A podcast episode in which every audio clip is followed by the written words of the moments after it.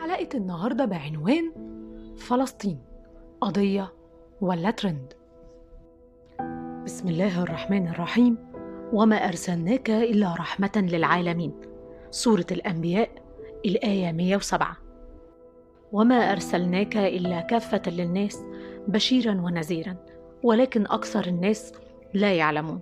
سورة سبأ الآية 28 أنا حبيت أبدأ بالآيات دي عشان أفكر نفسي وأفكركم إن قضايا الإنسانية والظلم دي أساس الرسائل السماوية كلها. وفكرة نصرة المظلوم عمرها ما كان قبلها خانة الدين بس. بالعكس دي مرتبطة ارتباط قوي جدا بخانة الإنسانية. من شهر بالظبط يوم 11 مايو العالم كله صحى على خبر اغتيال الصحفية الفلسطينية شيرين أبو عقلة. حادثة أثرت فينا كلنا. وال social media كلها اتقلبت. تقارير كتير ومظاهرات وحملات تضامن على مستوى العالم كله. النهاردة يوم 11 يونيو. عدى شهر على اغتيال شيرين ومفيش أي حاجة حصلت. شيرين اللي اتولدت في يوم 3 إبريل سنة 1971 بمدينة القدس المحتلة وأغتيلت في يوم 11 مايو سنة 2022 في مخيم جنين. صحفية فلسطينية مناضلة عملت كمراسلة إخبارية لشبكة الجزيرة الإعلامية منذ سنة 1997 لسنة اغتيالها سنة 2022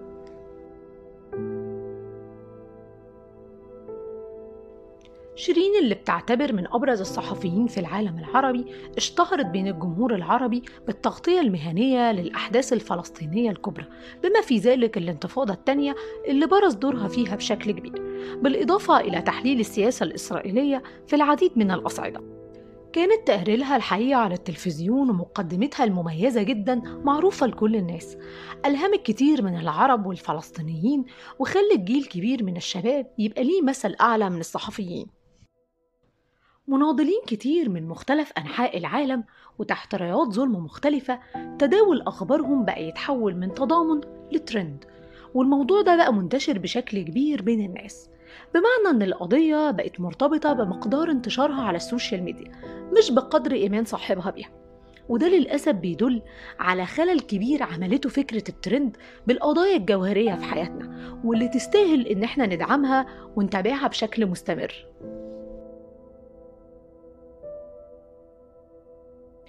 في يوم 1 يونيو غفران الرواسنة صحفية فلسطينية عمرها 31 سنة اتقتلت برصاص جيش الاحتلال أثناء تغطيتها أحداث مخيم العروب شمال مدينة الخليل بفلسطين المحتلة.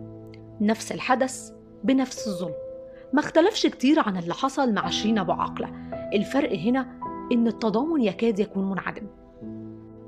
على الجانب التاني في نفس اليوم صدر الحكم النهائي في قضية الممثل الأمريكي جوني ديب والممثلة أمبر هيرد اللي حرفيا عمل زلزال تضامن وتهليل على منصات التواصل الاجتماعي بعد متابعة العالم كله للقضية لمدة تصل لستة أسابيع.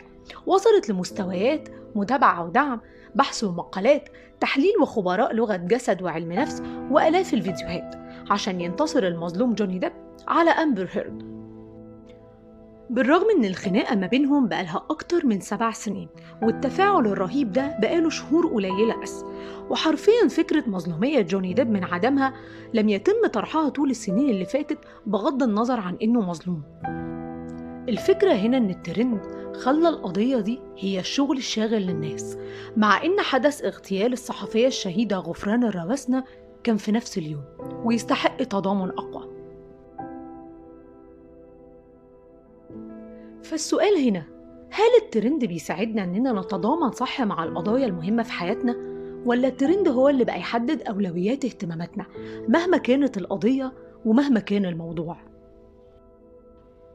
فكرة التضامن عموما النبي عليه أفضل الصلاة والسلام ربطها بإيمان الشخص وفكرة إنك تبقى عارف إن في إنسان وقع عليه ظلم سواء الشخص ده قريب منك أو بعيد عنك مجرد ما الموضوع مش فارق معاك على الأقل نفسيا ده بيدل إن فيك مشكلة كبيرة.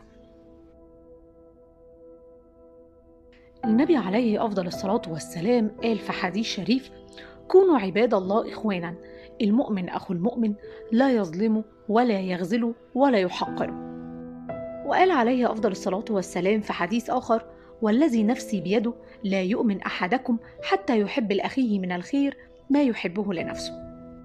طب السؤال إزاي أعرف أنا فعلا متضامن ولا أنا مجرد ماشي ورا ترند خلينا نرجع لقضية زي القضية الفلسطينية كمثال عن إزاي نخلي الموضوع جوانا على طول مش مجرد تفاعل مع ترند بيظهر وبيختفي كل فترة على حسب الحدث.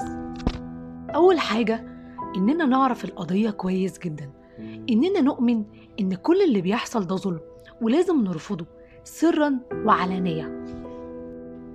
المعرفة الحقيقية بالقضية وأخبارها أمر مهم جدا. في زمن الكذب دلوقتي بقى صناعة بيدفع عليها ملايين. تاني حاجة إننا ننشر القضية بشكل مستمر. تبقى قدام عيوننا وعيون كل الناس اللي عندهم علم بالقضية واللي حتى ما عندهمش. الأب والأم دورهم مهم جدا في توصيل القضية بالذات لعقول الأطفال. إنهم يقدموها بشكل مبسط عشان تفضل حية طول الوقت ومن جيل لجيل. عشان من أهم أسلحة الكيان المحتل فكرة الإعلام الناعم والتطبيع اللي زي ما إحنا شايفين في بعض الدول العربية الموضوع أصبح حتمي وتقبل الكيان الصهيوني في المجتمع نفسه بقى مقبول. تالت حاجة إنك تدعي وتخلي الموضوع دايما في بالك وآخر حاجة هي المقاطعة في كل المجالات. سواء المالية والاقتصادية الفكرية والسياسية. وفعلا لو عارف إن المنتج ده بيدعم الكيان الصهيوني يفضل ما تشتريش وتشوف بديل تاني. كل دي مجرد أمثلة صغيرة عن إزاي فعلا نتضامن صح وبشكل مستمر مع أي قضية فيها ظلم. في النهاية لازم نكون كلنا عارفين إن ربنا كرم بني آدم بالعقل والتدبر عن كل المخلوقات التانية وده أكيد معمول لسبب. فقبل ما نتحمس في أي ترند لازم نقف لحظة كده ونفكر قبلها هل ممكن أظلم حد بمشاركتي دي؟ أرمي ناس بالباطل؟ أدعم جهة مش على حق؟